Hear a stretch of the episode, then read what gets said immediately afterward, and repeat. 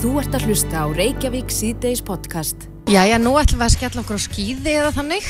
Við ætlum aðeins að fara að tala um, uh, já, bara þrettir af því í dag, að uh, það er verið að deila um fyrirhugaða áfengi sölu í hlýðarfjalli. Einmitt.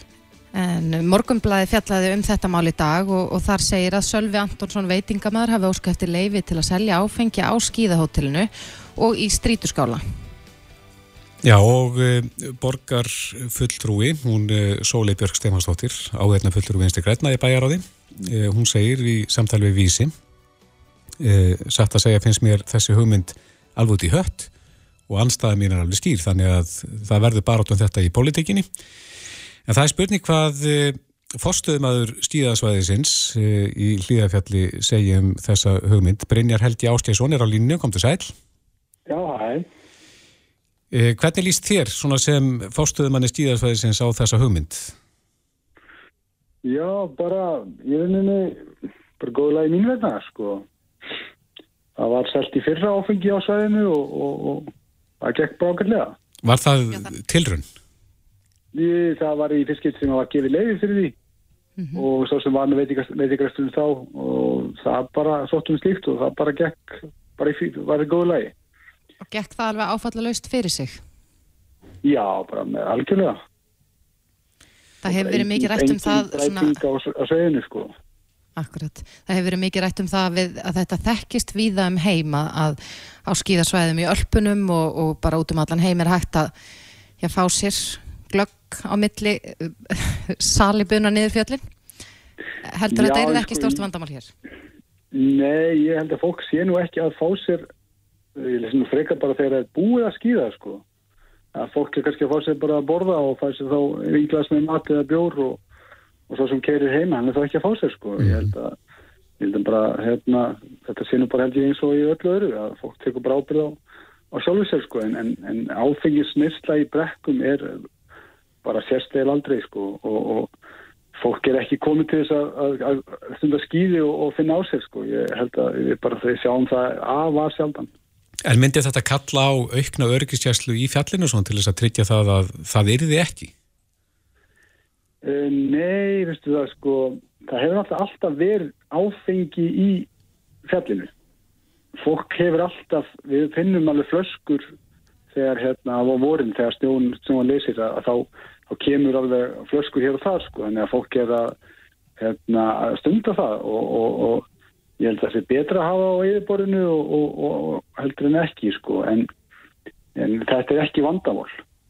Nei Hafa komið dæmi þess að- þeir þurfu bara hreinlega að skikka leikin hjá ölfuðu fólki í fjallinu Uh, sko, það gerist kannski einu sinni tvisað ári en, en það er nú oftast bara fáið ábyrningu um það ef eitthvað slíkt er og, og þá bara vísum við þeim aðalega frá og við tökum á honum kortið og, og við skráum það bara í gagnagrunn og, og, og í rauninni það er bara bann, hann er bara æfilegt bann. Eru margir á þeim lista? Nei, þetta, nei, nei, nei. Þetta, er, þetta er mjög, mjög sjálfgjart sem betur fer og hérna og hérna við náttúrulega bara hefum, enga, hefum alls engan áhuga á því að, slíkt verði raun og, og, og ég bara sé það ekki gerast að það komi, komi leiði þarna að, að veitingastæður sem er reikin af aðla sem að er ekki í rauninni við reikum þetta ekki, þetta er bara aðla sem að sækir í rauninni að reika veitingastöðun og að fólk geti fengið sér bjóðglas þar eða vinglas þar heldur en veitingastöðun í bænum ég, ég sé bara ekki munin á því sko En þeir prófuðu þetta í fyrra, segiru.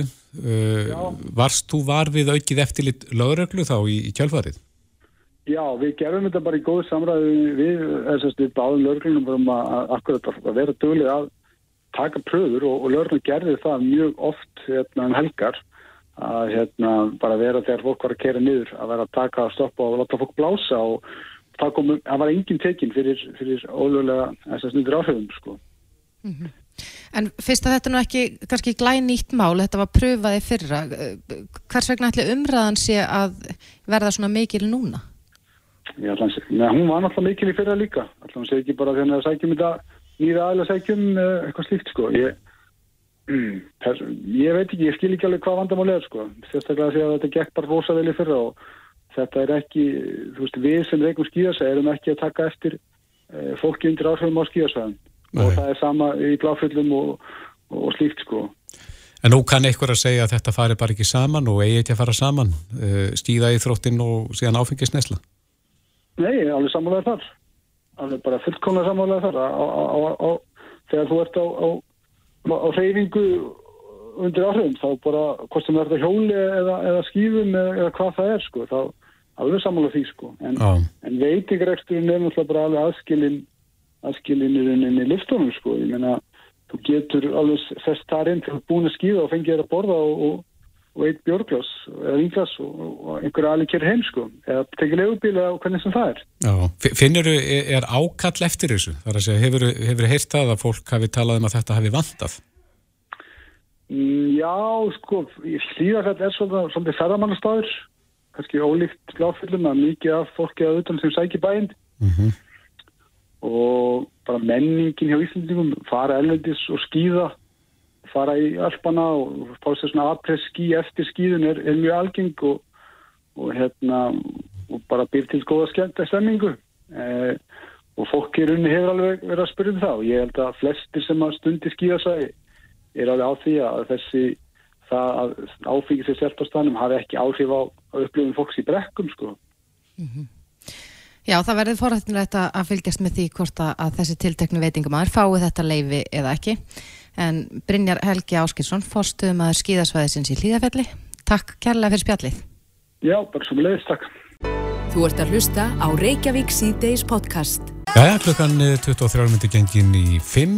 Það er að skikja úti og margi sem er á ferðinu núna, eh, sögumir á leið heim og vinnu. Það farið varlega í umferðinni en í frettablaðinu e, segir að þingflokkur viðreysnar óska þess að heilbriðis á þeirra og eftir aðtökum aðrir á þeirra gefið stíslu samdægurs eða eins fljótt auðið er í kjölfar þess að nýja sóttvarnar aðgerir eru kynntar eða framlengdar að hálfu stjórnvalda. Vantilega vil e, þingflokkurinn að pólitikinn ná að eiga samtal um það sem að framreitt er Já, það kom fram í þessari frétt að þetta snýst líka svolítið um eftirlit þingsins með störfum stjórnvalda mm -hmm. og uh, að það skorti svolítið á upplýsingum til þingsins og, og ég held að já, við getum nú flest tekið undir það að við viljum hafa sko skýrt markmið með þeim sótvartar aðgerðum sem eru hverju sinni já. og uh, þingið vil fá þær upplýsingar mm -hmm.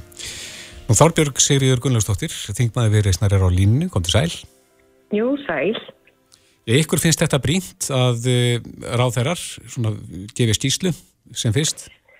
Já, okkur finnst það. Um, við óskuðum eftir í bara strax í nógumber uh, 2020 að hérna, eftir því að helbrið frá þeirra kæmi hálsmánalega inn í þingið til að gefa upplýsingar og skíslu, eiga samtal við þingið um fórsundur og sviðismyndir.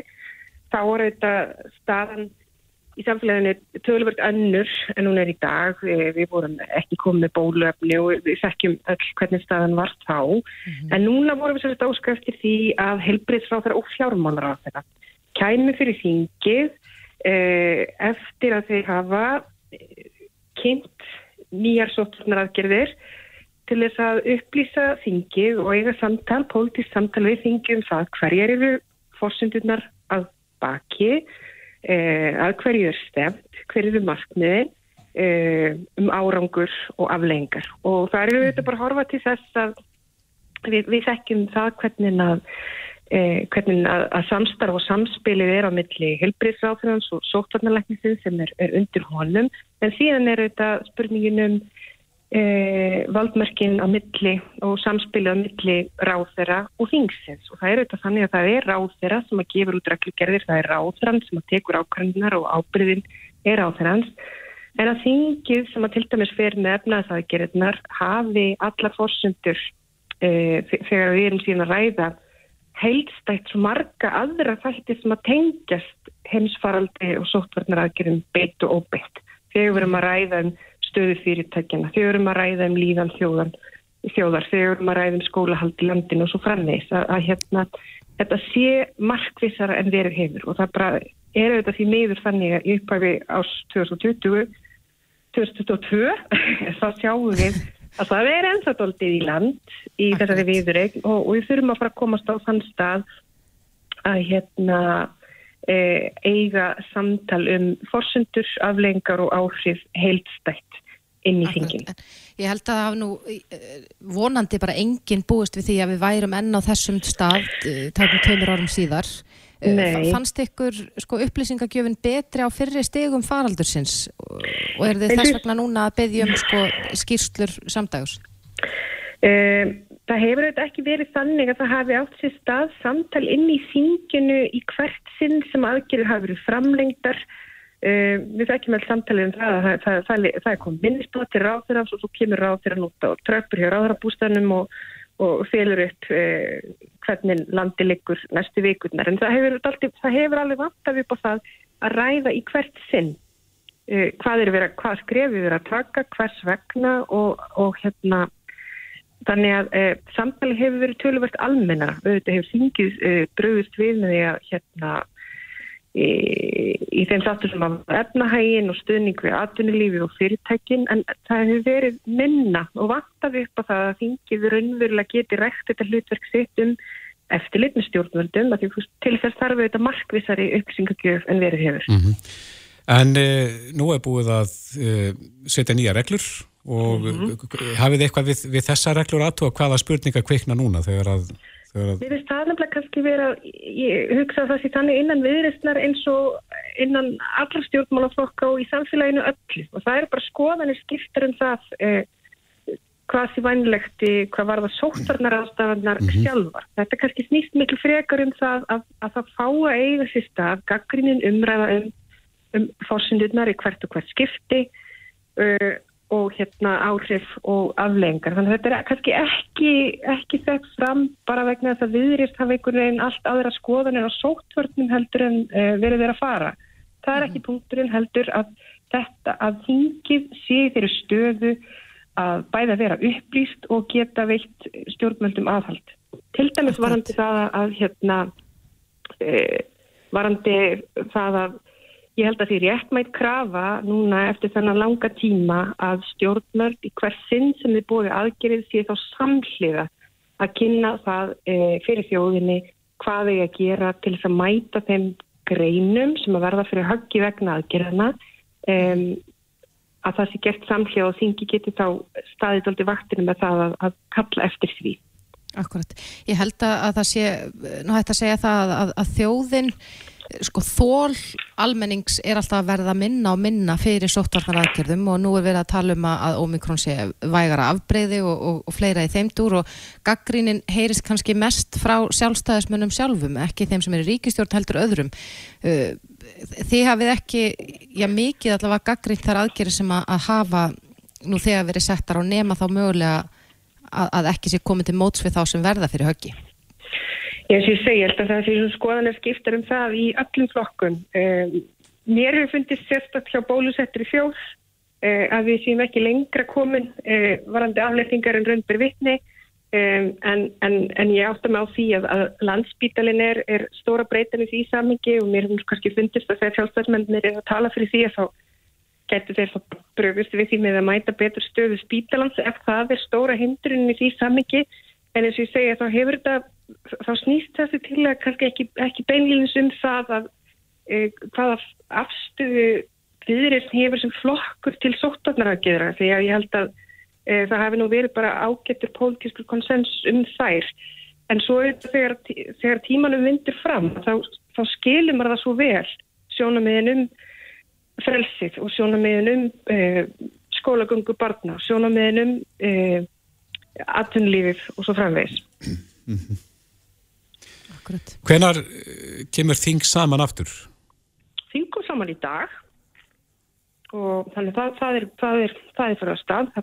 Nemndirnar voru að byrja að störfum en, en fyrsti þingfundur var í dag þannig hérna, við bindum bara mikla voni við það að að, að, að ráðura, helbilsráðura og fjármálaráðura e, taki vel í þessa óskokkar og, og leifi þessu samtali að eiga sér stað inn í, inn í þingsalum. Já, akkurat. Ég sé það að þing, ja, þingfundur hófst eh, um klukkan þrjú í dag. Glukkan þrjú, Já. hóstgleðin að nýju. En hafið þið fengið ykkur viðbráð? Egið þið vona á því að, að ráð þeirra hlusta á ykkur og gefi skýslu um leið og þeir kynna þessar fyrir allanir sínar? Ég er bara bjart sín manneska í eðli minnu. Ég held að þetta sé fullkomlega eðlileg og réttmætt ósk og það sé full ástæð til að uh, aðkoma þingsins verði aukin með þessum hætti. Um, Táverandi helbriðsráður að varð uh, við óskinni á sínum tíma og ég ætla að leiða mér að fullera það að það hafi ekki bara verið gagligt samtal heldur nöðslegt. Við rættum til dæmis á sínum tíma töluvert um aðgengi að bólusetningum, hvernig því er það hátt af. Ég held að það var í gagnaði til dæmis að ræða um uh, áframhalda bólusetningum á hennu pólitíska vettvangi, bólusetningar, uh, barna, framkvæmdina. Það, það er svo margt undir í þessu og það er alltaf gagnaði og þá aldrei að fæðast umræðina eða halda að hún sé til ógagst. Og ég heldur þetta að með segja það um þingið eins og samfæði alltaf í blábyrjun þegar við stóðum öll frammi fyrir þessu ógnastóra verkefni að þá síndi þingi það bara ágætlega í verki. Stjórn og stjórnaranstaða að þau gengum mjög samhætt inn í þetta verkefni og það þingið algjörlega sína það að það, það reys undir, gæt staðið undir e, fyrir ábyrð svona á ögur stundu. Og nú er rauninu bara verið að fara fram á það þegar að öllum er að verða ljóst og þetta tímabundna ástand er ansið langt að ráðrar komi e, fyrir þing í hvert sinn, geri grein fyrir því hvert er intak aðgerina, hvert er markmiðið, að hverju er stemt, hver verða áhrifin, hvaða aðgerið verða kynnta samhlýða um þessnismálið. Býstu við því að ef að þessari beðinni verður svarað á jákvæðan hátt og þið fáið mm -hmm. þessa skýrslu að það verði meiri umræður um allar þær takmarkanir sem eru í gildi á þinginu? Já, ég held að það verði heiklust niðurstan og það verði meiri umræða og ég get alveg trúa því að hún verði kraftmikil og hún verði gaggrínin en ég held að það líka bara alltaf lægi að fá þessa umræðu upp á yfirbórðir og Akkurat. ég held líka að það má ekki líta fram hjá því að vettangi þingsins og snýst þetta jú, vissulega sóttvarnarökina en svo margt annað. Við erum að ræða auðvitað alla þessa innviði áhrif og stofnarnir, samfélagslega umræðu og það á ekki hræðast hana. Já, það verður forveitinilegt að sjá hvort að heilbyrðisráð þeirra svari þessu kalli. Þorbjörg Sigriður Gunnlustóttir, Þingmaður viðreistnar. Takk kærlega fyrir. Takk, takk, bless. Þetta er Reykjavík C-Days podcast. Jæja, við ætlum að hefja leikin í dag á tækninni, en það er það þekkt að Íslendingar eru tækjáð þjóð og sláum sjaldan hendina móti góðu tæki, skemmtilegu tæki. E, tæknisýningin eins og stærsta í heimi sem að kallið er CES, CES var haldinn í síðustu viku og hún fór fram í Las Vegas ef ég hef tekið rétt eftir. Á línunni er sá sem ætlar að segja okkur allt um þetta Snæbjörn Ingólfsson, sérfræðingur hjá Origo, sæl. Já, góðan og blessaðan dag. Gleðilegt ári. Já, gleðilegt ár. Þú ert búin að sökka þér aðeins ofan í það sem að, svona það helsta sem að kom fram á uh, þessari Já. síningu. Já, ég kíkti aðeins á það. Þetta var náttúrulega rosa skrítin ráðstöðun að segja þess. Já, af hverju? Það var náttúrulega bæðið miklu færri gestir. Já. Svo bara, þú veist með þryggjadaga fyrirvara bökkuðu LG mm -hmm. út, sem hafa nú verið hvað stæstir. Já, já. Og þetta var bara eitthvað láns svo hjá Ring mm -hmm. þeir mætti ekki heldur þannig að það er svona fullt af sínendur sem mætti ekki bara og með, hættu með stöttu fyrirverða Já, en e, var eitthvað nýjum skemmtilegum græjum sem að litu þetta dagsins ljós? Já, já, það var alltaf fullt. Og byrjum kannski bara því sem að stál semunni það var hérna BMW hérna EX Flow. Bíl sem skiptir litum. Já. Og hérna þá er hann að nota svona e-ink sem er búið sem búið að húða bílinn með svona filmum. Og, og þetta er ekki þannig núna að hann skipti út gulur og blár og grætt mm -hmm. en, en þessu getur verið bara nánast frá kvítum og yfir í svart og einhverju svona mismöndi liti gráður og þetta var alveg stala allir aðtiklið þarna sko og var svona eitt af því heitast það Þannig að þú getur átt kvítan bíl fyrir átti og svartan eftir átti? Já, jáfnvel bara maður, maður myndi ofaskil yfir og ljósum á svörstum bíl, það var allir nefnilega bara konu kvítan og engin veit fyrir þetta var. Akkurat. En hvað hérna, hvernig eh, fara menn að þessu? Hver er tæknina bak við þetta? Þetta er svona í yng, sem bara er í hérna kindil hérna talunum. Svo er þetta bara lavendastýrað filmur á já. sem að hérna svo bara takk inn í og þetta er, er meirins að tala um þetta getur verið orkusbarandi fyrir bíla. Mm -hmm. Þannig að hann getur sagt, nýtt eitthvað sólaljósið til þess að hérna ná betri afkvöstum og, og minni miðstöðar, kynding og, og allt í þessum dúr sko. Já, það, hvað var þetta BMF, sagður það? Já, BMF EX Flow heiti bílinn Já, já. Mjög flottur sko. Já, þetta stál senun en, en var eitthvað meira svona eftirtækt að vest? Já, já, svo það er náttúrulega fleiri lutir eins og kannski svona meira hvað sem er adjustments aðlaganir eins og Google voru að kynna hjá sér núna fast peran audio switching. Mm -hmm. þannig að þeir reyna að fara svona í skó Apple að, að það sem er að switcha auðveld á mitti, tækja spjaltölva og fleira tengja auðveldara headphonea og fleira Já. og ég sé ekki mikill Apple maður þá hérna verður maður að byrja virðingu fyrir hvað þetta gengur sm smúð í rauninni að tengja á milli þessara device hjá þeim sko. Að þessi tæki þau tala, tala mjög vel saman og hægt að skipta á milli, þú ert kannski að vinna í síma og uh, kasta því síðan yfir í tölvu. Já, ekki, já og bara án vandkvæða sko. Já. Og svo eins bara að taka upp airbudsinn frá Apple og setja þetta upp og byrja bara að hlusta. Mm -hmm. Og þegar þetta er svona takmi sem þeir eru búin að þróa núna hjá Google og er aðeins að narta í hælun á Apple þarna sko. Já. Uh, það vakti annarleika aðdeglega hérna svona stórir aðlar eins og Samsung og hérna General Electric, uh, Haier og, og fleiri, þeir eru búin að stofna svona samtök sem að hérna að þú ætlar að byggja upp smart heimili mm -hmm. þá þarf það annarkvæmt með allt frá General Electric eða Electrolux eða allt frá Samsung þannig að þeir ætla að fara að sammeina svona samskipta á millið þessar dækja þannig að þú getur verið með hérna, Samsung ískap General Electrics eitthvað annað elektrólug seldavill og þetta tala bara saman við sama endabúna sem með. Er það bara þessi tveir aðila sem er að tala saman eða er þetta Nei, nei þeir eru búin að stopna við samtök sem heita bara The New Alliance mm -hmm. og hérna þetta er einmitt þessi margjörðstórin þetta er Samsung, Haier General Electric, General Electric og Electrolux og fleiri. Já. Já, já. Þetta er mjög áhugavert. Já, þetta eru góða, góða frétti fyrir þá sem er ekki kannski bundnir við, við eina tegund eða eitt vörumerki. Já, og að því eins og við þekkjum bara þessu, þá einhver aðli á bestu mögulegu ískopana, mm -hmm. þá kannski ekki bestu uppþóttavilna. Nei. Þannig að þú getur valið árið best of breed, sko, í rauninni hvaða plattform sem þú vilt, sko. Já, er, kemur þetta inn á 5G-tæknina? Já, það er bara, það er ég held að það sé alveg á því, þetta er bara þessi samskipta stað, þetta er henni byggt á þessu Sigby hérna staðli Já. Og þeir reyna að þróa þessi saman svolítið bara um hann, þannig að tækinn tali saman á sama staðli. Mm -hmm. þannig að þetta vakti mjög aðtækli Já, nú meira? Svo var hérna Sony, þeir voru að kynna hérna bíl. Sony hérna Vision S. Svona SUV, rafbíl, sjálfkillandi mm -hmm en menn eru svona flaggar hvort þessi ekki meira bara að sína eitthvað eins og þú get margt á þessari síningu menn er að sína hvað er hægt að gera og, og hvert með er alltaf stefna og hvort er alltaf til að fara enda í bílaframlegslu en þeir eru að sína þeir eigi fullt inn í þann marka sko svo er, svo er náttúrulega fleira sem erum að skeiða þarna eins og mér varst áhugavert hérna að TechBrick sem er öryggiskapur heimili fyrir hérna snartölur og síma mm -hmm.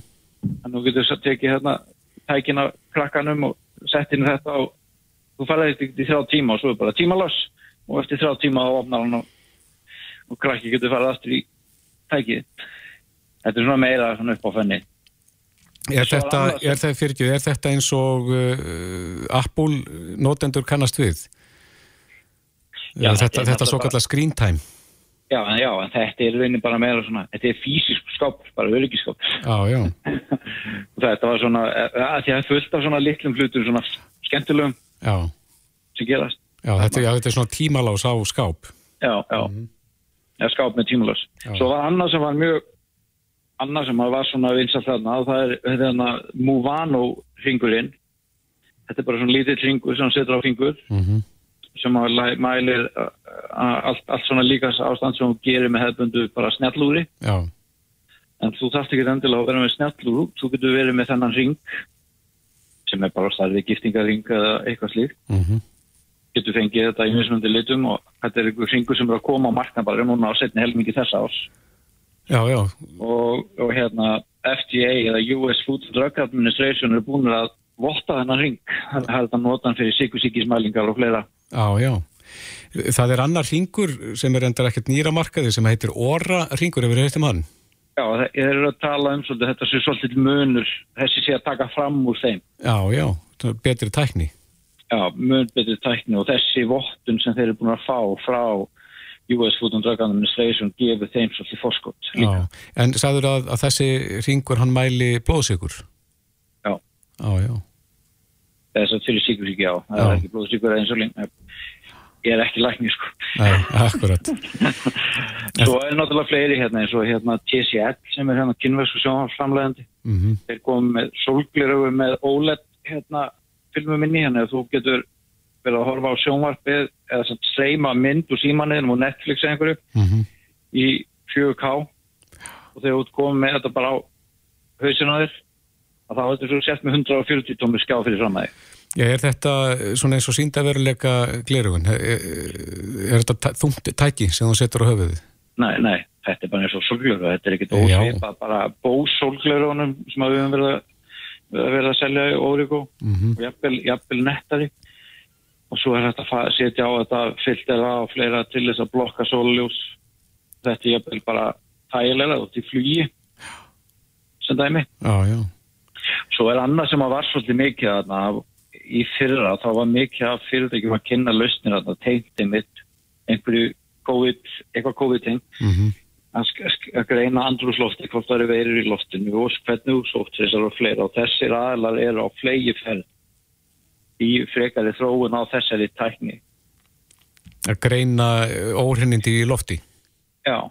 Já og þá ertu bara komið í alls konar já, bara mengun og það er fyrirtækjarnar sem heitir Airthings eða með sem eru með svona mónitor Já. Sem að bara greinir nánast allar agnir í loftinu og hversu heiland og gott lofti er sem með hefur, hvað er rakastíð og, og fleira. Já, já.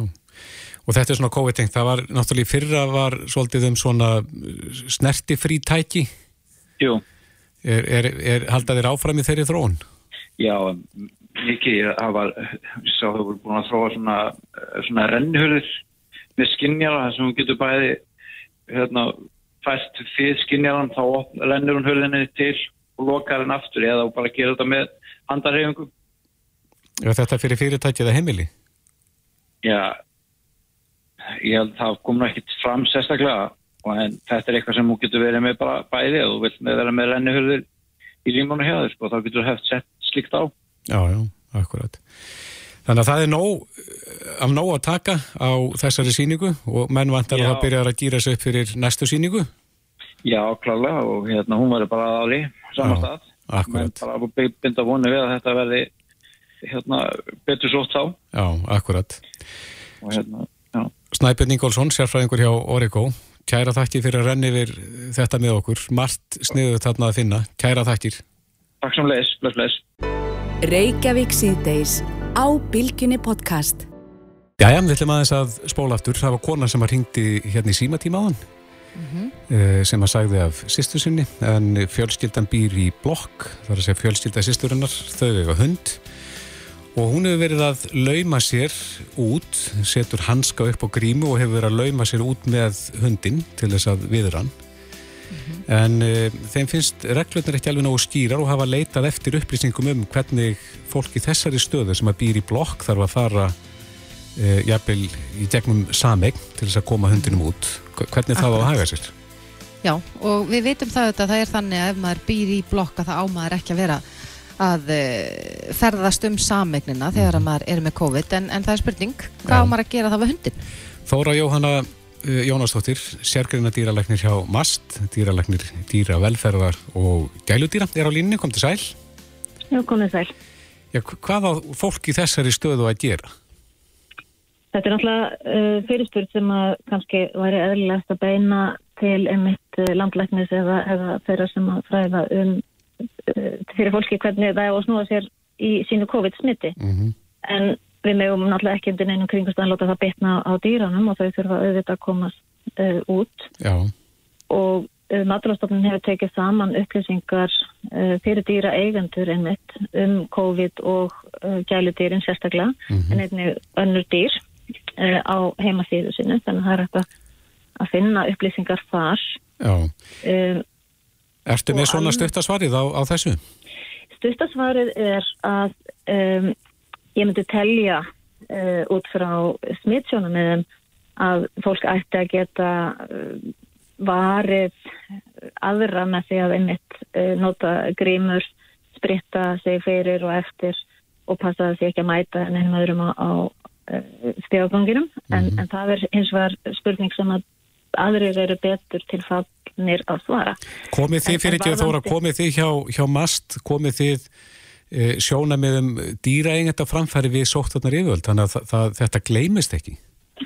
Já, við vorum í góðri samvinni við landlækni einmitt í þessum málum og uh, leiðbenningarnar okkar uh, vísa tölverst í þeirra leiðbenningar en einmitt þetta hvort að gælutýrin geti borið smitt eh, það er nokkuð sínt að hundar eh, eru mjög lítið móttækilegir fyrir COVID mm -hmm. og eru mjög ólíklegir til að veikjast en vissulega eins og aðri snertifletir geta þeir kannski borið veiruna á feldi eða slimhúð eða öðru Já. og þess vegna mælum við með að fólk myndi eh, sem að við mælum með að aðrir sinni dýrinu ef það er hægt uh, og en... ef að En fyrir ekki það sem að því er ekki til að dreifa að, að þá er gert ráð fyrir því að gælutir eigendur sem að búa í, í sambíli e, eru að, þurfa að fara í gegnum stegaganga, þeir fari út með þundina viðran. Það er alveg ljóst að það þarf að fara út með uh, dýrið, þannig mm. annarkort þarf maður að koma dýrinu uh, á uh, hundahótel ef það er ekki hægt, eða þá að í samráði við ennbættismenn eh, landlæknir að finna lausn á því hvernig er hægt að, að fara út með dýrið á örganhátt. Akkurat. En eins og þú segir að þá er þetta eiginlega spurning sem að sóttvarnar yfirvöld þurfa að svara og taka afstöðu til og vera Já, með, með velferð dýrana eh, fyrir brjósti. Já, það er alveg ljóst að það þarf að finna dýrinu og, og dýrið þarf að komast út. Eh, svo er að finna þessa ásækkanlegu lausn sem að samt setur ekki annað fólk í smittættu. Akkurat, einmitt. Já, lengar komistu ekki nær réttasvarin á þessu sinni. Eh, Þóra Jóhanna Jónastóttir, sérgrinnan dýralæknir hjá eh, Mætalastofnun, kæra þakki fyrir þetta. Takk sem leið. Reykjavík síðdeis á Bilginni podcast. Hér fyrir helgi þá rættu við við Óskar Reykdalsson, forstjóra heilsugjastlunar á höfuborgarsvæðinu og vorum aðeins að velta vöngum yfir því hvort að já, þau próf sem við notum eh, til þess að kanna hvort að fólk sé síkt af COVID séu já, mögulega úr takt við tíman hvað sko ný afbríði veirunar varðar. Já, það er að sé að hraðprófinn. Akkurat, mm -hmm. uh, en ég hafði þá heyrst í, í Harmageddon í, í hjónum Jóni Magnúsi Jóhannesinni Lækni þar sem hann saði að, að, já, að uh, Omikron væri já, minna í nefnkókinu meira í hálsinu minni með alveg örugla mm -hmm. en uh, til þess að fræða okkur nánar um þetta er Jón Magnús á línunni, kom til sæl Sæl Já, Jón Magnús, þú ert stattur í bandaríkunum ekki satt og eitt af því sem þú ert að gera er að, að eh, rannsaka hvaða próf virka best á eða til þess að kanna hvort að fólk sé síkt af COVID, ekki satt? Jú, svo að ég er sem sagt í rannsóknastöðu í prógrami sem heitir RADXUP uh, skamstöður fyrir uh, Rapid Access to Diagnosis of COVID-19 to Underserved Populations Svo að í stundum álinn þá er þetta prógram sem hefur í rauninni yfirsýn yfir aðra rannsóknir sem er að kanna hvernig við getum best aukið algengi fólks að COVID-19 greiningaprófum og þá sérstaklega í samfélum þar sem að er almennt minna algengi að heildurisnjónustu af margþægtum ástæðum og er náttúrulega meira vandamál í bandaríkunum en maður myndi segja að væri á Íslandi mm -hmm. og þessi auðvitað vandamál það er líka. Já, þannig að við erum að, við erum að tala núna um fyrir ekki, Jón, þá erum við að tala um þessi hraðpróf og jafnvel þessi heimapróf líka. Já, einmitt, þetta eru í rauninni marga, þetta er svona við skoðum margarlega til þess, nefnir svona megin hlutin af þeim prófum sem nótt til auka aðgengi eru annars vegar próf sem eru gerð á staðunum á einhverju stofnun, þar sem við fáum niðurstöna uh, í snatri, eða próf þar sem að, einmitt svona heimapróf, þar sem að kaupa próf út í búðum og fær niðurstöna eftir að tekja síni sjálfur og fær niðurstöna heima. Eða maður tekur prófið heima og sendir það síðan til rannsóknstöðu sem er ekki eitthvað sem að væri mjög pluttist fyrir Ísland en er mjög veikilvægt hérna í bandaríkunum því að uh, því það er í rauninni bara ekkert aðgenga að heilbríðsjóðustu í marga, marga uh, tíu kílometra en þá er einmitt svona megin hlutin af þessum greiningaprófi sem nótist til auka aðgengi er þessi hraðpróf. Er þau talin eh, vera örug þar sé heimaprófin og, og þessi hraðpróf?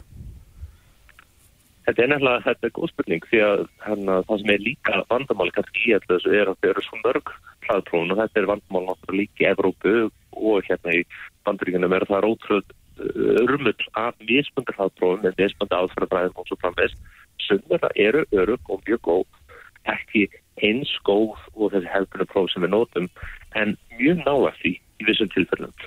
Mm. Það sem að kannski skiptir mestum alveg að hafa í huga er í fyrsta lega þú setur nota próf sem er viðurkent og hefur uh, sporið saman við svona gullstandardin í þessu og hitt er að þú setur nota samkvæmt leiðbenningu því að til dæmis er og þetta er víðar þá eru hraðprófin fyrst og fremst góð til þess að svara tveimu spurningum. Í fyrsta lagi þú ert nýbúin að fá enginni og þú tekur vilt vita hvort að þú sett með COVID-19 og sérstaklega hvort þú sett smítandi með COVID-19 ekki. Og þá eru þessi próf mjög góð til þess. Og síðan er þessi próf einnig almennt góð ég segja hvort það smítandi einhver staðar í ferlinu, COVID-19 ferlinu.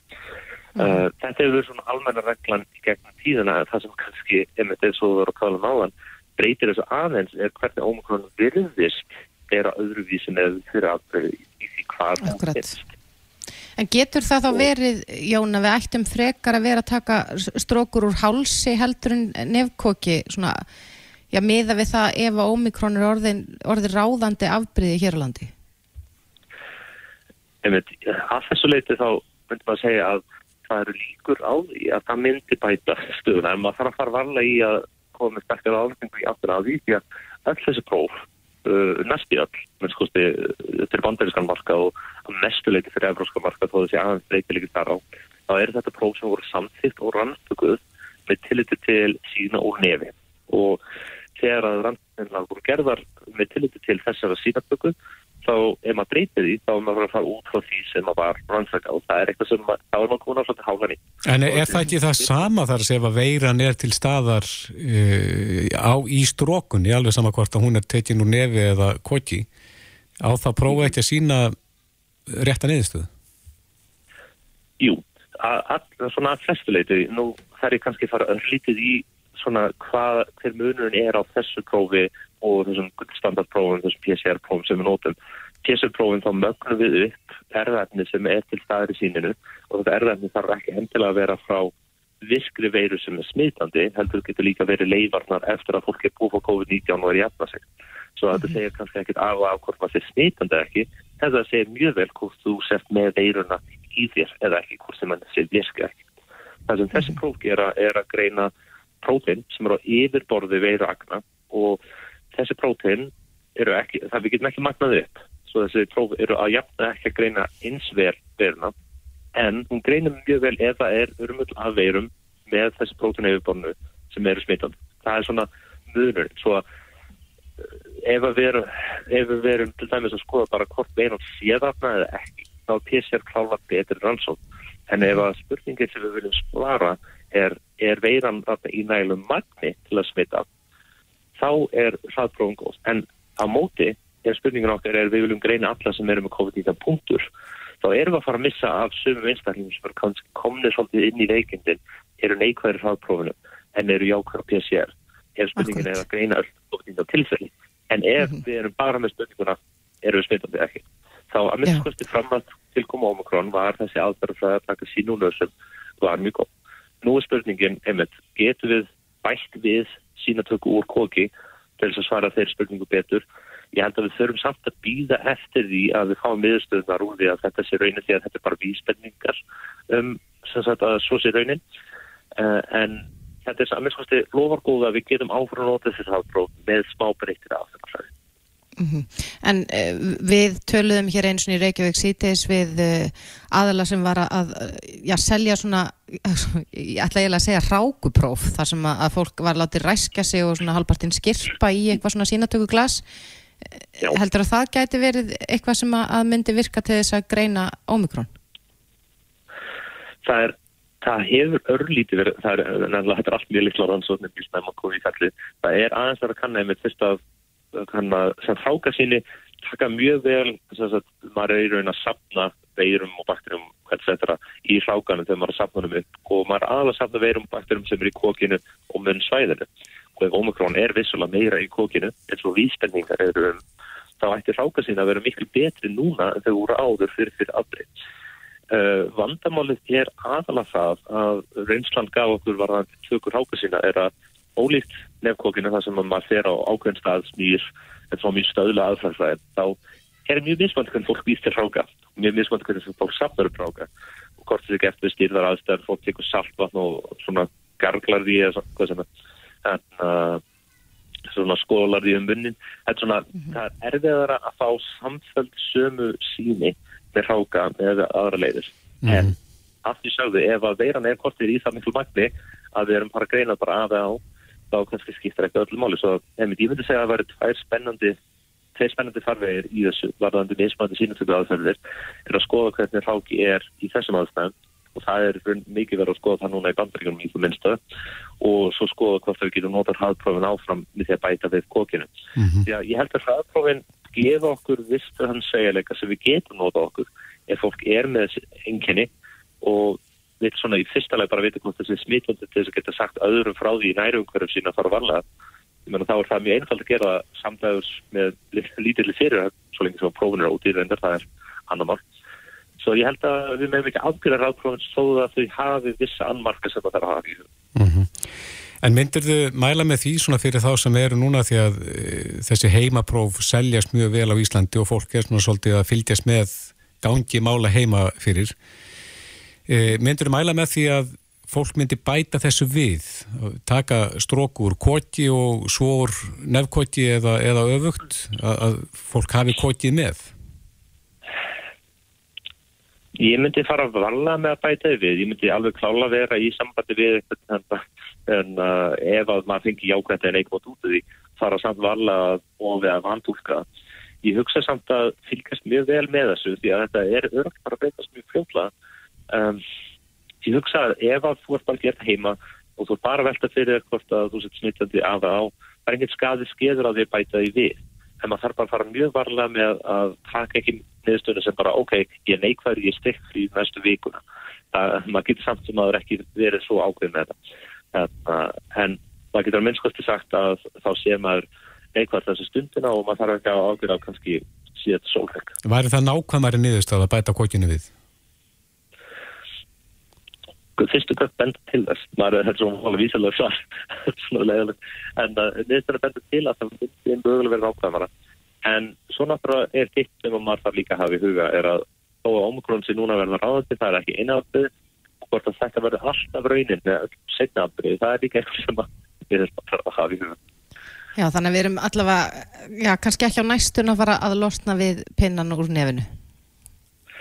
Nei og náttúrulega ef maður er jákvæður úr haldprófið þá þarf maður þá staðfestingum við PCR því að það er alltaf, það er þessi litlu, litlu líkur á því að maður sé hérna falskt jákvæður. En aðalega bara svo að maður komist í sambandi við helbiðistjónstuna því að ef maður tekur haldprófið jákvæður og maður gerir ekkert meira með það þá er maður bara tilfelli COVID-19 sem hefur aldrei verið tilkynnt áfram. Mm -hmm. svo að ef við viljum að fólk að samfélagi viti svona hvað er í gangi þá er það meðsölu liður líka. Já, er það ekki rétt, eh, tóku ekki rétt eftir í viðtalinu sem að Harmaketton tók við að, að þú óttast að það sé meira um fölsk neikvæð síni núna því að fólk er að taka strókur og nefi frekar enn koti?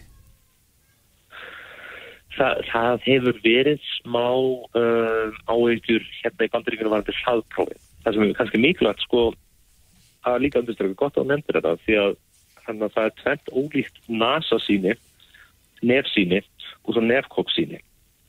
Því að ef maður tekur síni úr nefkóki sem er erfiðar að gera sjálfur en ég er samt sem að gera það, þá, þá nefkóki er góð sínatak fyrir ómikrón líka. Vandamáli er eiginlega nasa sín. Þegar fólk er bara svona rétt að kýtla.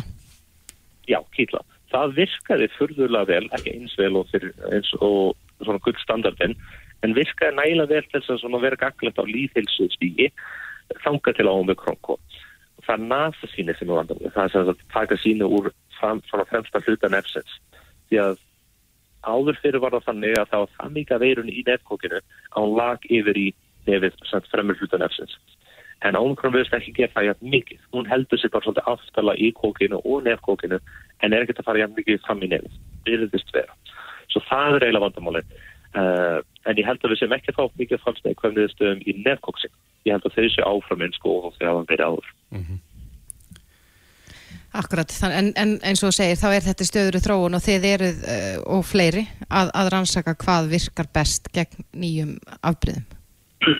Já, og ég get sagt að það eru sem er hérna í bandaríkunum sem er að mæla með því að maður taki kóksíni aukala til þess að bara hjálpa manni að greina ef maður er með yngni og svo framvegs.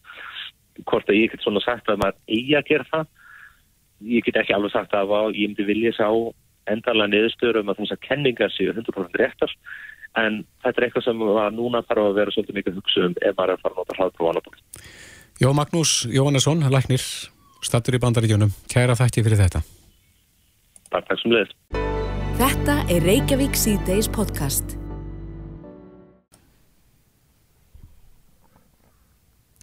Það er ekki langt síðan að hér á landi var mikið byrjað að tala um loftgæði, mögulegan miklusvepp og mm -hmm. við erum auðvitað alltaf að sjá fleiri og fleiri dæmi um miklusvepp í, í húsnaði bæði fyrirtökjum, skólum og, og á heimilum fólk sem já, já. að veldur miklum veikindum til dæmis. Mm -hmm. Já það er rétt, já, það er, það er ekkert mörg ár síðan að maður fór að heyra af þessu vandamóli og þetta geti haft svona alvarlega áhrif á, á heilsuna. Akkurat. En uh, við rákumst á greinin á vísi.is uh, sem að var rítuð fyrir helgi sem ber heitið Bylting í loftgæðum innanús, bringt mm -hmm. líðheilsumál og þarna er verið að vittna í grein frá alþjóðlum hópi vísindafólks og greinin var einu verið ákall um gaggjara endurskóðun og byltingu í því hvernig þjóður nálgast loftgæði innandira mm -hmm. til þess akkurat að, að verja heilsu almennings gegn til dæmis loftbornum sjúkdómum og faraldrum sem við erum auðvitað glíma við núna. Já, en þá er stóra spötingi hvernig fer maður að því að, að búa til þessi góðu loftgæði á heimilinu eða vinnustöðum. Akkurat, en sá sem að reytaði þessa grein heitir Már Egilson og hann er heimilisleiknir og er á línunni hjá okkur, kom til sæl Már? Já, sælflöðu. Já, við, eins og við sögum hérna ána þá nú ekkit mörg ár síðan að var byrjað að ræða sko upp að ekkur marki um loftgæði innan hús og miklusvepp og fleira í þeim dúr. En, en samkvæmt þinni greina þá er þetta tölvert meira heldur en bara miklusveppur sem við ættum að vera að líta á. Jú, það er einmitt það sem að þessi rannsónarhópur sem við benda á hefur verið að skoða. Það er og benda á að, að það er, er fleiri miklusveppir, það eru allar, allar hérna, loftborgnar verur, ég minna að það getur verið veirur og bakterjur líka. Mm -hmm. Hvernig fer maður að því að búa til réttu og bestu skilirðin til þess að, forðast þessar örverur? Það er mjög góð spurning sko og það er eitt af því sem að menn eru að reyna að rannsaka betur og það er til að mynda núna að fara á stað rannsókn á Englandi það sem er að skoða áhrif þess að vera með svona virkar í loftræstingu í rauninni hreinsun á loftinu í skólastofum skólabarna. Mm -hmm. og þá að vera að bera saman skóla sem eru þá ekki með þetta og, og svo 10-20 aðra skóla sem eru með bæði sko síur sem að hérna, hreinsa lofti, svona hepafiltera. Og svo í öðrum skólum eru þá notaðir að, annars konar sko þvottur þar sem er notað hérna, uh, útfjálfblótt ljós til að hreinsa loftið og það er verið að kanna sér hvort að þetta hafi áhrif á nýgengi COVID í hjá þessum skólaböldum. Akkurat. Serðu fyrir þeirra í framtíðinni verði eh, lögð meiri áherslu á þetta, til dæmis á að lofta vel út og, og eins og þú talar um hepa, síur er það ekki svona svipað við höfum í flugvílum? Að Ég þetta verði algengara? Að, þetta er náttúrulega eitthvað sem að þekkist mjög vel í, í ástöðum sem er mikil áherslu að lögða á vinnu vernd og eins og ég nefni hérna í greinni sko í flugvelum þar sem við erum að nota sama loftið sí endur tekið þá er þetta mikilvægt að síja það vel. En hérna ekki síst til að venda bara starfsfólk en þetta líka þá sem að hérna farþegana. En hérna ég vona það að, að þetta sé tekið alvarlega og, og bara alveg eins og ég nefni hérna í greinni að þetta er svona eitt af, eitt af mörgum hérna málum sem að fara að vinna meira í og, og rannsaka betur Við sjáum hérna fyrir 200 árum þegar bylting varð á því hvernig fólk fór með bæði vassveitur og, og, og skolpveitur að hérna blanda þessu tönnu ekki saman. Það er ekki, ekki gott kannski að fara að á, líta á loft í rauninni að sama skapi sko að, að sumt loft er óhreint og þarf reynilega að þvó. Já, En þú nefndir hérna áðan út fjólubláa ljósið og, og það fóð nú reyndra stað mikil umræðum það í, hérna, í samveki við veirur. Veirur eiga erfitt með að lifa af út fjólublátt ljós. Telur að það verði algengara svona þegar að, til framtíðari litið að út fjólublátt ljós verður nota til þess að sótrensa stofur? Það er með það sem er að kanna sko held ég bæði sko hva, hvað af þessum teimur aðferðum sé öflur í aðferð til þess að draga úr nýgengi loftborina síkinga og hérna það er annars vegar sérstaklega útfélgbátt ljós og svo hins vegar svona hepa filterar. Uh, ég veit ekki hvað aðferðin er heppilari en og það getur verið að önnur sér kostnæðasamari en hérna en þetta er best að nota það sem að virka best og er ódýrast. Já, mm -hmm. þetta með útfélgbátt ljósi það tekur mjög stuttan tíma, er það ekki? Og mennur er byrjað að nota Jú. þetta í einhverju mæli eitthvað staðar? Jú, ég, ég fekki það reyndar ekki með vel. Ég veit að dæmis, þess, þessi tæki sem eru notið á Englandi, þetta eru bara velar sem að þá dæla lofti og, og það er engin útfólublátt ljóð sem að sleppur út úr þessum tækjum. Mm -hmm. Þetta er bara lofti sem er innan í tækinu sem er útsett fyrir því, sko. Þannig að þetta er algjörlega örug, örug tæki. Mm -hmm. En uh, Már, hvernig sér þið fyrir að þetta verði núna? Þú talar meðal annars um hér að uh, Já, það þurfum við kannski að ebla eftirlit húsnaðs og mannverkjastofnunar eða vinnu eftirlitsins eða já, innleiði auknum mæli vöktun á loftgæðum. Það er svona, einmitt, það sem ég dætt í hug og, og þetta er líka bent á í greinin að til þess að geta bröðist við slæmum loftgæðum þá verður það að fylgjast með þeim og að því að mér skilst þá er mjög lítið gert af því og hérna og það er meðal þess sem að einmitt þessi rannsakendur er að gera, það er að þeir eru líka að fylgjast með því hvernig hvernig koma loftgæðin út samkvæmt þessum höfbundnum mælum eins og bara rakastig í herbyggjum eða stofum og, og síðan líka koldioxistyrkur. Já, er þetta svona aðeins að hugsa þá varðandi stofnanir og, og fyrirtæki eða, ertu með heimilin í huga líka? Það er, það er góð spurning. Ég myndi segja sko svona ef maður er að hugsa bara út í líka umhverjus áhrif af orkunótkonus líka þá það held ég maður einu bara að byrja á því að, að skoða allavega þessa svona fjölmennu staði en hérna en ég veit að það eru margir sem að, sem að er að nota svona loftsýur heima hjá sér og kannski þeir sem eru einmitt að þá sem að grunnar að sé mikla í íbúðunum hjá sér eða, eða það sem er mikil umferð í kring og, og farfa hérna eða, eða kannski er einstaklingur á heimilinu sem er viðkomur fyrir er með asma eða eitthvað slíkt mm -hmm. En snýst þetta svolítið már til þess að sko að sportna við dreifingu á bakterjum og veirum um að, við, að það séu loftskipti bæði þá inn á heimilum og stopnunum, bílum og, og þarframtu göttum? Já, það er þessi grila mikilvægt og þetta, þú veist, mikið verið talað um bara loftgæði utan dyrra og, og við vitum að það hefur tengsl við bara alls konar sjúkdóma og velfægt en, en kannski hefur ekki eins vel verið rannsakað sko hvað var að loftgæði innan dyrra, menn hafa reynda kannan til dæmis áhrif sko koldioxistyrks á Uh, á hérna hversu afkastamiklir starfsmenniru það eru til svona vinnu tengta rannsóknir á þessu og, og allavega nokkra sem ég skoða þá, þá er bentileg sko að, að þetta hafi áhrif á afkast þetta eru kannski nokkur prósent en eða með stóra vinnustæði þá, þá getur þetta haft greiðlega þýðingu bara upp á hérna upp á kostnað og, og afkast Já, og ef að það er þið hugað þessu í auknu mæli að þá myndir þetta vantala spara í heilbyrðarstjárfinu á móti? Ég hefast ekki um það sko. Ég, hérna, ég held við erum að fara að líta, líta meira á þennan þátt loftgeði innandir sem hérna, mikilvæga svona sóttvarnar uh, aðgerði eða allavega möguleika til þess að, að koma í veg fyrir að draga úr hérna, smittsjöldum. Já, við tökum undir það með þér. Már Eilsson, heimilisleiknir. Takk kærlega fyrir spjallið. Takk ykkur. Takk kærlega fyrir. Hlustaðu hvena sem er á Reykjavík C-Days podcast. Ég hef heirt í mörgum eh, sem að eh, brúðu sér í göngutúr í gær í þessu mm -hmm. fína veðri en örðu hálft á svellinu. Það voru fjölmarki sem að, sem að fengu bildu í gær. Já, veist að ég þór alveg að viðkynna það fyrir allþjóða. Ég var eina af þeim. Já. Fór út og það var ennþá dimt í gær morgun mm -hmm. og, og var ekki með brottana mína og ég svoleiðis flög á hausin, nakkin í svellið og, og allt saman, en ég er endar mata sem svo ég þurfti nú ekki að leita uh, eftir læknisaðstóð, gæti staðið upp og var bara í, í góðum málum, en hins vegar var álægið gríðarlega mikið á bráðamáttöku landsbítalans ígæðir vegna hálkuslýsa. Mm -hmm. Hjalti Már Björnsson, yfirleiknar á bráðamáttökunni er á línni, kom til sæl? Sælverði. Já, þetta hefur verið þungur dagur ykkur í gær? Já, þetta var mjög þungur dagur. Það leituð alls um 190 manns til bráðamáttökunar í gær sem er nú svona í held í efri mörgum.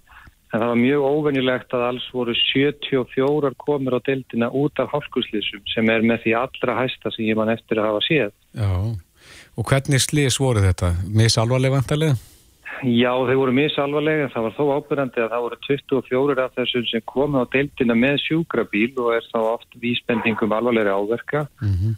og þannig voru þetta nú algengast um útlima áverkar á það en þá voru 20 sem að koma út á höfuðhökkum. Jáhá. Já, og, og, og eins og segir að þá er þetta eh, með því hæsta sem þú hefur séð? Já, hef ég nú unni við þetta fag í hátt í aldarfjörðung en ég hef aldrei séð ja, mikinn, eða allast mann ekki eftir ja, mörgum sem hafa komið út af hálkuslið sem eins og var þarna í gær. Nei, þetta var svona launhált, það var fallegu snjóri yfir og sumstaðar leindist hálka undir og annars staðar ekki. En eru við Íslandingar hættir að, að kunna umgangast hálku? Það veit ég nú ekki beilinnis en ég held að við þurfum alltaf að átt okkur á því að hálka getur verið hættuleg og það er ekkert grín að fá alvarlegt höfuðhögg eða beinbrót af þessu. Nei. Fólk þarf eins og alltaf að fara bara varlega og meta aðstæður og sérstaklega er áberandi að það er ekki börn sem að er að verða fyrir þessum áverkum. Þetta er lang flestum tilfellum fólk svona meðjum aldrei og upp úr. Já og þetta er náttúrulega komið fyrir á öllum aldri. Mm -hmm. Er það aldengt að uh, þeir sem að lenda í hálkuslýsi í dag að þeir jafnveg leiti ekki aðstofar fyrir en daginn eftir? Það er eflaust til í þessu eins og öllu öðru en, en lang oftast kemur fólk strax en það ef að fólk telur sig að hafa orðið fyrir alvarlegum áverka þá viljum við ekkert vera uh, þá er ekki skynsalegt að vera að býða heima þá er best að koma strax til mats og bráðamáttöku. Mm -hmm. Ættu við að vera duglegri við það til dæmis að nota mannbrota og, og já, passa okkur betur þegar að, bara um vetur? Já, jú, við ætlum ekki að fara að banna neinum að ganga. Sjálfsögðu þá er fólk að reyfa sig og komast á milli staða en það er alltaf gott að hugsa um öryggið, fara varlega og mannbrotar svo sannarlega að draga úr slýsatíni út af hálkunni þegar svona daga koma eins og var í kær. Mm, akkurat. En þetta er eitt þingsti dagu, segjuru, sem að þú mannst eftir? Já, það var afar mikið álaga á deildinni og uh, það voru nú sem betur fer flesti sem gáttu útskrifast heim en þó sínist mér að það veru fjóri sem hafa fyrst innlög beint á spítalan en það voru, ég veit ekki náða að telja saman nákvæmlega hversu marg beinbrot þetta voru, það voru fjöldamarkir sem að brotnuðu og munið þurfa áframhaldandi eftirlit á spítalanum. Mm -hmm. og einhverju munið þurfa að komast inn til aðgerðar á spítalanum út af þeim beinbrotum Og þetta kemur ofan í þetta erfið ástand sem að fyrir er á spítalanum? Já, já, það er mjög þungt ástandi á landspítalanum fyrir og hefur svo sem verið lengi en er enn þingra núna út á COVID ástandinu mm -hmm. og ég veit að álægið á bæklunadeildinni þar sem að gerir skurðagerði við þessum brotum hefur verið gríðarlega mikið um helgina við að sinna þessari sérhæðu meðferð. Akkurat, já, við heyrðum nú í fréttum um daginn af, af konu sem að var að tjásu um uh, mál svona síns sem hafiði brotnað og, og gatreinlega ekki farið aðgerð vegna álags á spítalunum. Eru fleiri dæmi um slíkt? Já, það er óvenjuleg byggð eftir bráða aðgerð hjá bæklunarleiknum núna vegna þess að það er bara ekki nægilegt starfsfólk til að manna skurstofur og þetta er náttúrulega algjört ófremdar ástand sem að stafar af langvarandi fjársveldi í helbriðiskerfinu og er orðið afar brýtt að verði lagað einhver tíman. Einmitt, já. Eh, Hjalti Már Björnsson, yfirleiknir á Bráðamáttöku landsbytalans, eh, við hvetjum fólk til þess að, að huga vel að hálku vörnum, samankvort að það eru mannbrotar eða eitthvað annað, en kæra þakki fyrir spjallið.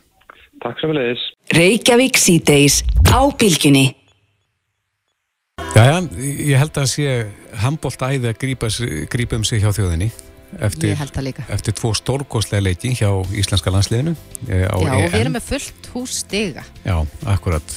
Og þeir byggun og reynda til aðeins eh, hérna, til spennu í gjær og eru komin með góða fórustu og svo kom hérna slæmikablin sem að kemur nú yfirleitt en þeir áttu nú vel inni fyrir honum í gjær mm -hmm.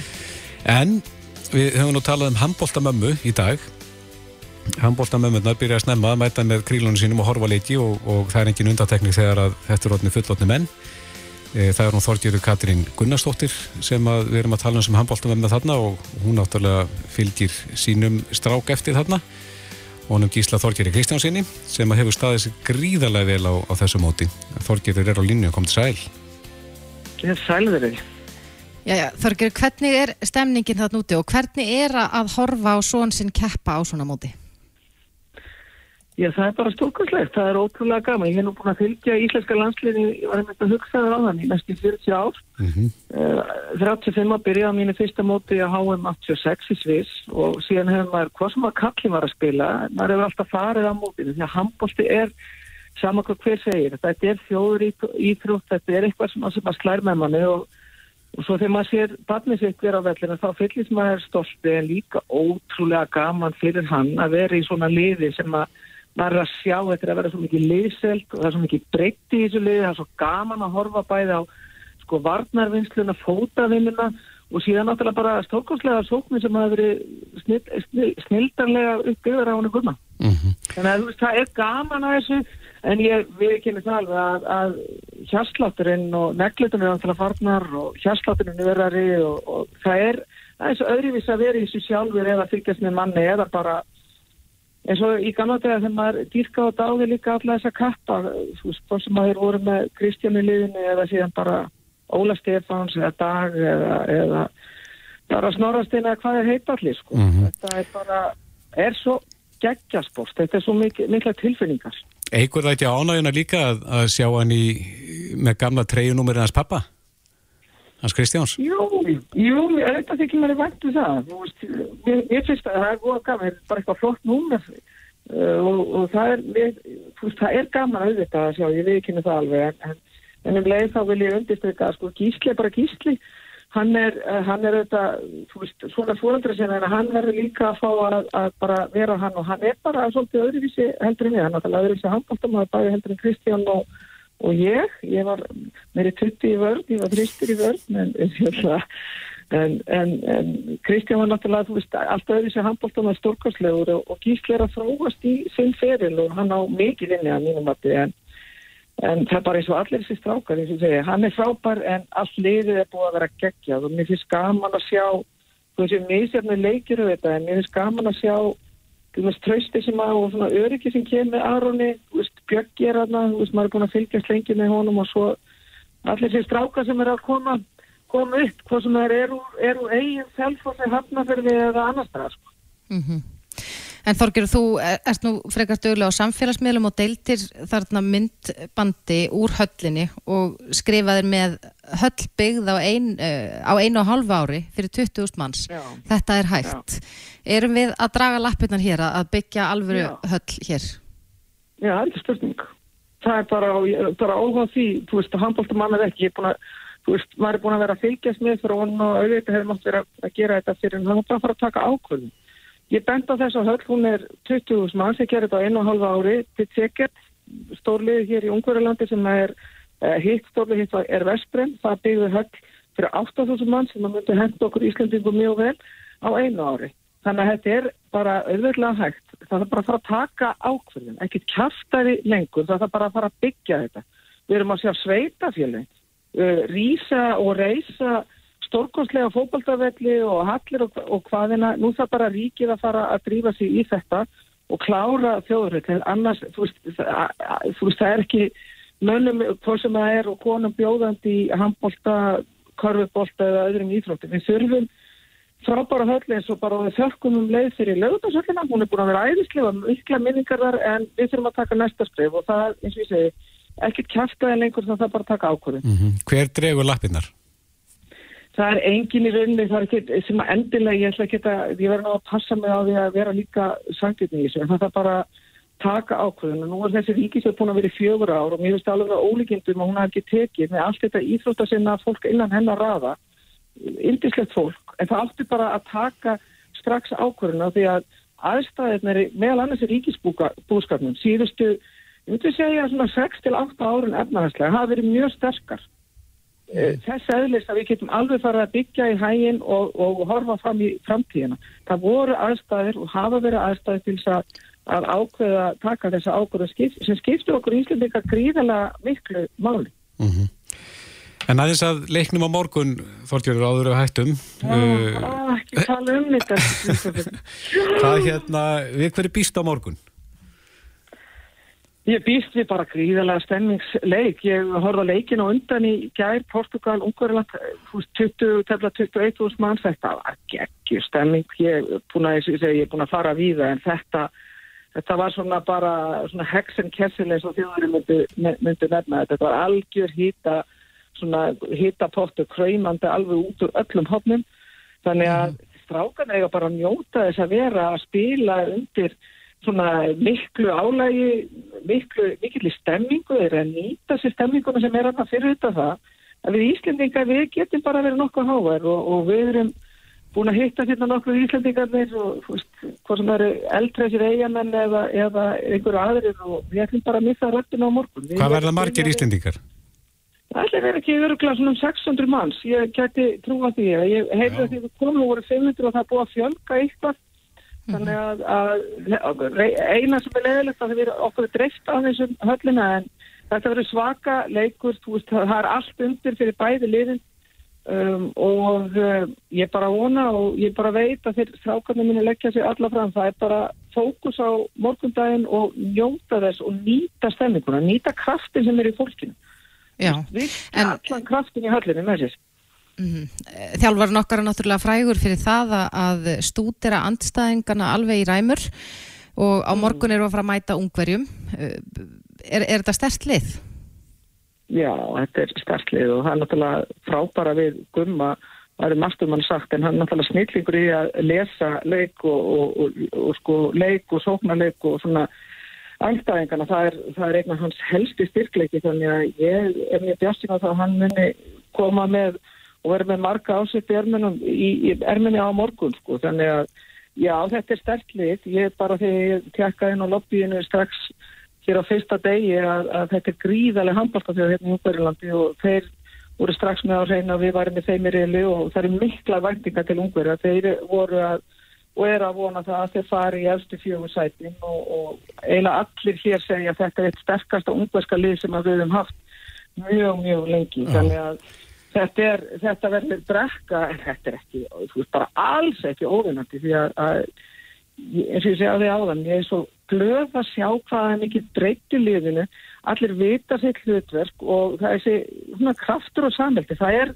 það er eitthvað í loftinu og, og ég ætla að leiða mér að vera bjart en þetta Það með ekki slaka á eina sekundin. Það vita þeir manna besta því er ekkert, þú veist, það er eigin annars sem að veit þetta betur heldur að strafka með sjálfur. Einmitt, þeir mæta dýrveldsir til leiks, það er sér ungverðarnir og, og áhörvendur líka morgun og vantalega íslenska lið, en hvernig fer leikurinn, svona rétt í lokin? Já, leikurinn, leikurinn fer uh, 26-24. Já, það er þið góð neyðist að Þorgjörður Katri Gunnarsdóttir, eh, kæra þætti fyrir spjallið. Við sendum bara bestu ströma til Ungverðarlands og segjum bara áfram Ísland. Já, áfram Ísland. Hjartar þakkir og bara koma svo. Koma svo, tökum undir það. Bless. Jæja, ég held að sé handbólt æði að grípa um sig hjá þjóðinni. Eftir, eftir tvo stórgóðslega leiki hjá Íslenska landsliðinu. Já, og við erum með fullt hús stiga. Já, akkurat. Og þeir byggun og reynda til aðeins hérna Reykjavík síðdeis á Bilginni podcast